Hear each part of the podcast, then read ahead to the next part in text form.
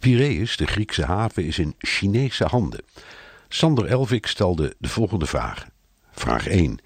China is ver weg. Wat betekent dat eigendom in de praktijk? Piraeus was een slaperig haventje, dus je kunt zeggen, nou en, ze zijn nu beter af. Maar het is onderdeel van een patroon. De terminal in Zeebrugge is Chinees, een derde van de terminal in Rotterdam. In Italië en Spanje kopen de Chinese havens, maar ook in Sri Lanka, Djibouti en Brazilië. Allemaal onderdeel van het Chinese beleid om wereldwijd handelsroutes in handen te krijgen. Vraag 2. Waar zijn we eigenlijk bang voor? Scheepsgigant Costco doet al die aankopen, maar daarachter zit de Chinese staat. Tegenstanders zijn als de dood dat China, nog altijd een communistische dictatuur, via aankopen de economische macht overneemt in Azië, Europa en Afrika. Het is dezelfde angst die ten grondslag ligt aan de rel om tech-gigant Huawei. Je kunt zeggen, Boeing, McDonald's en Nike hebben ook de wereld veroverd, maar daar zit niet de Amerikaanse staat achter. Vraag 3.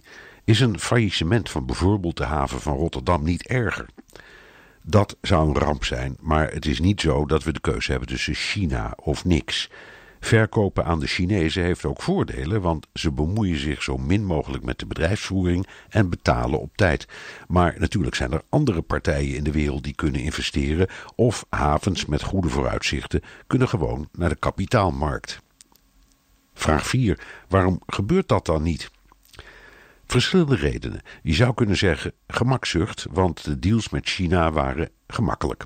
Maar toen Costco zich aandiende met miljarden in cash, was er nog nauwelijks discussie over wat inmiddels als een soort Chinees gevaar wordt gezien. Dus de deals zijn te goeder trouw gesloten en misschien terecht.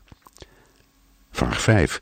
Kunnen wij Europeanen de havens op zijn Zimbabwaans terug annexeren? China is immers ver weg.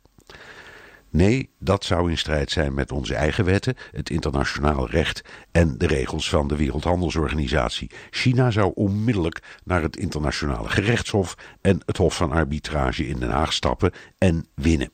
Wat wel kan en ook gebeurt, is heronderhandelen over aandelenverhoudingen. China ziet de bui trouwens hangen, want buitenlandse bedrijven kunnen nu een meerderheid verwerven in joint ventures met China.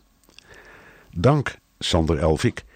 In de wereld volgens Hammelburg beantwoord ik elke zaterdag vijf vragen over een internationaal thema. Hebt u een onderwerp? Stuur dan een tweet naar @bnr of mail naar onlineredactie@bnr.nl.